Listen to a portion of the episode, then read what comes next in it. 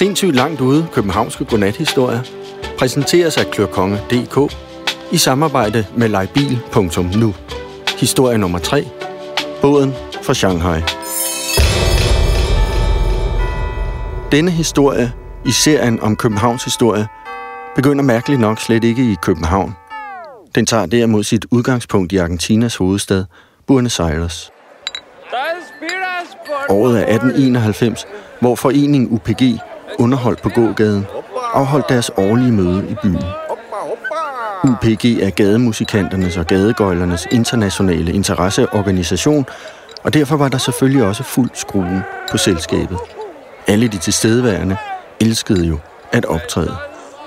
Jonglørerne konkurrerede om, hvem der kunne jonglere med de største ting, og vinderen af den lille konkurrence holdt fem bulgarske dværge i luften i to og et halvt minut, og sabelslugerne eksperimenterede med lange sabler, den ene krummer og mere spids end den anden, og man gjorde det, til man løb tør for plaster. Men der var også faglige diskussioner i krogene. Dem, der kørte på ethjulet cykel, snakkede om lappegrejer. Bjørnetæmmerne snakkede om bjørnefoder. Ildpusterne snakkede om benzin- og lungekapaciteter. Og alle sammen snakkede de om, hvilke hatte det var bedst at samle penge ind i. Der var jonglører, violinister, klovner, mimere, alle tænkelige typer inden for gøjl og store fakter, og fra alle verdensdele. Toppen af poppen var uden tvivl det store sydamerikanske Inka-orkester. De var meget respekteret blandt de andre gøjlere og gademusikanter, fordi de havde turneret rundt i hele verden i adskillige år. De havde aldrig været særlig snakkesalige, men dette år var de specielt tavse og indsluttede. De kunne kun lige akkurat tage sig sammen til at skrive et par autografer til nogle af de ivrigste gøjlerbørn. Så forsvind med dig. Men selv under autografskrivningen var deres ansigter som mejslet i Andesbjergenes granit. Folk bemærkede hurtigt, at indkærende dette år holdt sig endnu mere for sig selv, end de plejede at gøre. Hu. Sådan er det med folk, der får succes, mente en guitarspiller fra Sigøjnien, og blev øjeblikkeligt bakket op af en tumlumsk dværg fra Bulgarien. Men det var nu slet ikke snopperi, der fik indkærende til at trække sig tilbage. Det var nervøsitet. Indkærende var nemlig blevet ret befippede, da der pludselig dukkede et kinesisk orkester op på det årlige møde. For ikke nok med, at kineserne også meget vel kunne blive betragtet som eksotiske og spændende i Europa, hvor de største penge var at tjene. Orkestret bestod også, ligesom indkærernes, af 10 mand. Inkæerne mente derfor, at kineserne kunne blive meget, meget farlige konkurrenter på de europæiske torve og pladser. Vi vil have markedet for os selv, mumlede de onde inkæer. Europa tilhører os. De vendte sig da mod deres pænfløjtespiller, den berygtede Inka Mons, der samtidig fungerede som deres hemmelige dræberagent. De nikkede til ham fire gange, roterede derefter med hovedet, himlede med øjnene og gav til sidst sidemanden et diskret, men resolut trælår. Det virkede umiddelbart lidt idiotisk, men det var selvfølgelig et hemmeligt Inka-signal. Inka så alvorligt på dem og nikkede sig stilfærdigt tilbage til hver enkelt i flokken, mens de stod og ømmede sig. Det var også et hemmeligt signal, og det betød, jeg forstår. Så lagde Inka stille pænfløjten fra sig og drog afsted på den lange rejse mod Kina. Et par måneder efter luskede Inka rundt i Shanghai, en af Kinas store havnebyer. Det var en nat med lækkert måneskin, og en stille sommerlig vind pustede sægte og fik de mørklagte skibe til at duve i deres fortøjninger. Inka Måns bevægede sig ned langs skibene, mens han læste deres navne, og da han fandt, hvad han søgte, det gode skib Zhuangxing, så kiggede han sig hurtigt over skuldrene og sprang ombord i et katteagtigt spring. Selvom fuldmånen over ham lyste ganske kraftigt, kastede Inkamånens ingen skygge. Det var fordi, han havde smurt sig selv ind i den hemmelige skyggefri salve fra Peru. Derefter krøb han ned i det lille rum, der fandtes under ankerspillet, og det tydede jo ikke godt. Det er aldrig rart at have en ond Inka ombord på sit skib, og da slet ikke, hvis han hedder Inka Mogens. Da solen begyndte at stå over Shanghai havn, kom de første matroser spacerende hen af molen. De gik ombord på det gode skib Zhuangxing.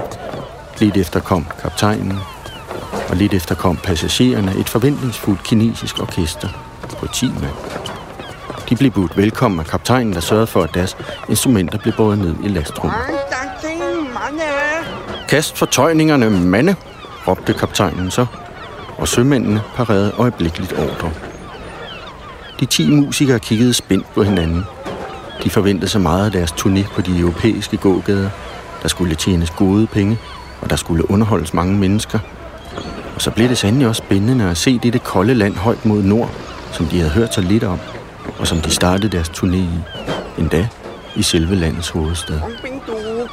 Til København, råbte kaptajnen, og det gode skib, Zhuangxing, stævnede ud af Shanghai Havn.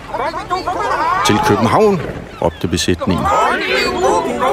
Til København, råbte det 10 mand store orkester og grinede og vinkede. Da der ikke var nogen mennesker inde på kajen, begyndte de at vinke til hinanden i stedet. Det var også lige meget. Det vigtige var, at man havde nogen at vinke til, når man var en kineser, der skulle helt til København.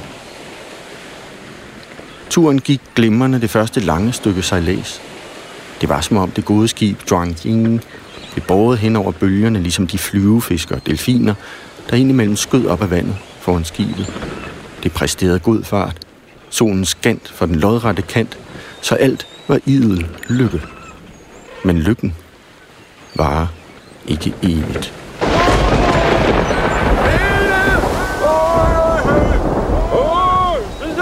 Ud for Indiens kyst kom de ud i et ganske forfærdeligt stormvejr. Et af den slags, der lader himmel og hav stå i et, og lader et kinesisk skib svæve midt imellem. De var ikke langt fra den nærmeste frelsende havn, men det var for farligt at søge land ved den klippefyldte kyst, sagde kaptajnen, så de måtte blive ude på den åbne sø og ride stormen af. Og det var nu, i dette kaos, at den blinde passager Inkamogen stukkede op fra det lille aflukke under ankerspillet. Man lagde ikke mærke til ham, fordi han havde smurt den hemmelige salve fra Peru på sin krop. Sådan en, der gør, at man ikke kaster skygger, og som samtidig beskytter en mod søsyge og får en til at falde i et med træværket på en våd kinesisk båd. Og nu tog Inkamogen så fat på sit usøde forhæve. De ti kinesiske musikere stod på ræd række med hovedet ud over reglingen og kastet op og var helt grønne i hovedet af søsyge. Inkamogens gik hen til den første musiker og viskede i hans ører. Mm. Tænk bare på de lækre stegte kyllinger nede fra Kina-grillen. Mm.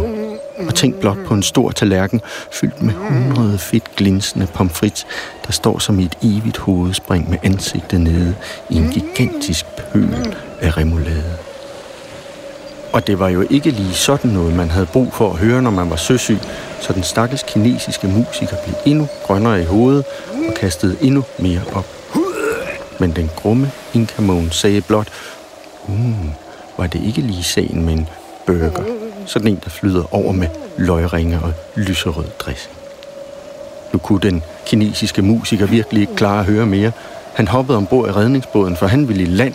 Han ville væk fra denne vippende dødsejler, og det skulle være lige nu. Og mens han arbejdede som en besat på at gøre redningsbåden fri, gik Inkamons videre til den næste i rækken. Ah, sagde han. Er det ikke bare lykken at stå med et kilo tyske vingummibamser i en gennemsigtig plastikbeholder? Kigge ned til dem og se dem ligge og svede deres eget farvestof. Ah, og når man tager låget af herligheden, så står der denne søde gas op fra dåsen, denne sukrede ind, der får det til at vine i tænderne. Åh, oh, de er som en kurv fuld af nyhøstede kemiske frugter. Sådan noget kan jo normalt få tænderne til at løbe i vand, men ikke når man er neongrøn i hovedet og søsyge. Så lidt efter var der to kinesere, der arbejdede på at gøre redningsbåden fri. Og Inka Mogens gik videre til den næste. Ah, sagde han. Tænk blot på det vidunderlige syn af en soft ice, der bliver lavet til netop dig. Hvordan den hvide masse vælter ud af maskinen og lander i det sprøde vaffelbager. Hvordan den kølige masse rejser sig stolt mod himlen, klæder bestemt dierne af fede mælkeproteiner. Så lidt efter var der tre kinesere, der arbejdede på at gøre redningsbåden fri. Og sådan gik det der ud af. Snart sad der syv musikere i redningsbåden, og mens de febrilsk prøvede at binde knuder op, var det, som om deres maver og hoveder var ved at eksplodere af ostebøger, soft ice og fyldte chokolade. Inka Mogens gik nu videre til de sidste tre. Han gik i gang med at besnakke dem med alt muligt fedtdrivende stas fra grillen og alt muligt sukker dyppet tingeltangel fra slikbutikken. Men midt i det hele havde redningsbåden sig løs, og de syv kinesiske musikere plumpede med båden ned i vandet. Snart efter tog stormen fat i redningsbåden og førte den ind mod Indiens kyst. De tre musikere, der var blevet tilbage, stod og så efter deres kolleger og var grønne i hovedet af kvalme og misundelse. Men stormen lagde sig snart, og kaptajnen kom farerne og skældte dem ud, fordi det sandelig ikke var meningen, at passagerer bare tyvstjæl af redningsbådene, så snart de følte sig lidt søsyge. Men, men det var jo ikke os, sagde de tre kineser. Det var de andre. Og selvom det er verdens dårligste undskyldning, så var det jo rigtigt nok, kunne kaptajnen godt se. Det var faktisk de andre, der havde gjort det. Og de lå derinde ved kysten og blev hjulpet i land af nogle venlige indere. Tre uger efter nåede det gode skib Zhuangjing så endelig København. Det havde sat kurs mod Nyhavn, og de tre kinesiske musikere stod i stævnen og var da triste over, at deres orkester var skrumpet sådan ind, men der bredte sig nu alligevel et træt smil i deres ansigter, da de så den livlige by træde frem med stadig flere detaljer, og sandelig, pludselig hørte de lyden af en hosende harmonika derindenfra. Den blev ligesom båret på duften, der kom inde fra den beskidte by. Lidt efter hørte de også andre lækre gadeinstrumenter, og en enkelt gøjler, der med stor råbekraft annoncerede et nummer, der angiveligt var så farligt, at verden aldrig nogensinde havde set noget lignende. Gøjlerbandet hot. Vi må straks komme i land, sagde de tre kinesiske musikere til hinanden, så vi kan komme i gang med at spille og tjene nogle penge. Men så snart skibet lagde til kaj, stak Inka Mogens lynhurtigt i land. Ligesom en ægel rotte. Men han var ikke usynlig længere, fordi han i mellemtiden havde et den hemmelige salve fra Peru. Som vi efterhånden har forstået, var der tale om en salve med mange funktioner, og den kunne altså også bruges som madpakke i en snevervending. Kineserne så undrende på hinanden. En blind passager? Han må have været ombord siden Shanghai. Ja, sagde en af de andre, og jeg synes altså, at jeg har set ham et eller andet sted før. Jeg tror, det var Argentina, udbrød den tredje kineser, dengang vi var til møde i UPG. Ved Kong Futses fipskæg, sagde en af de andre. Du har ret. Jeg tror sågar, det var inkaernes pænfløjtespiller, den lide sympatiske Inka Mogens. Hvad skulle han ombord? Tror I, han har haft onde hensigter? Hvis de har været onde, sagde en af kineserne nu med stolthed i stemmen, så er det ikke lykkedes for ham. For her står vi, og vi står i København. Ja, smilede en af de andre, og lige om lidt, så står vi og spiller løs på vores instrumenter. Men ak, lykken var som bekendt ikke evigt. Mm, goddag, goddag. Det er for skattevæsenet. Ej. Kaptajnen kom i det samme med meget dårligt nyt, for nogen havde fjernet et af bundbrædderne nede i lastrummet, så det nu stod delvist under vand. De tre kinesiske musikere styrtede der ned, og der mødte dem et sørgeligt syn. Et meget sørgeligt syn.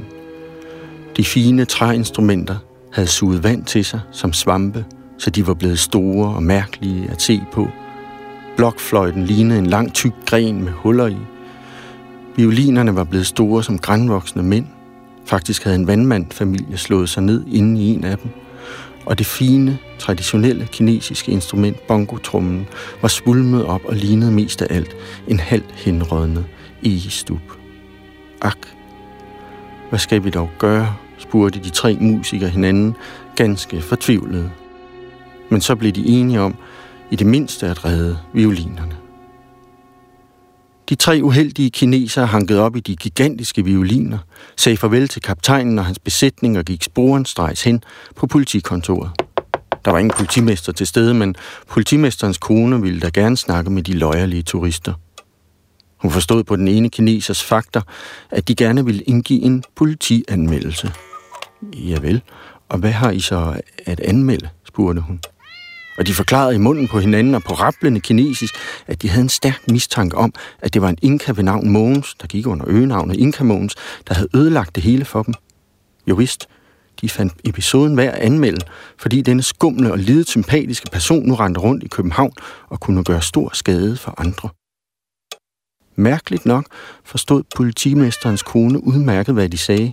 For det er nemlig sådan, at der som tre kinesere taler i munden på hinanden, så forvandler sproget sig til dansk.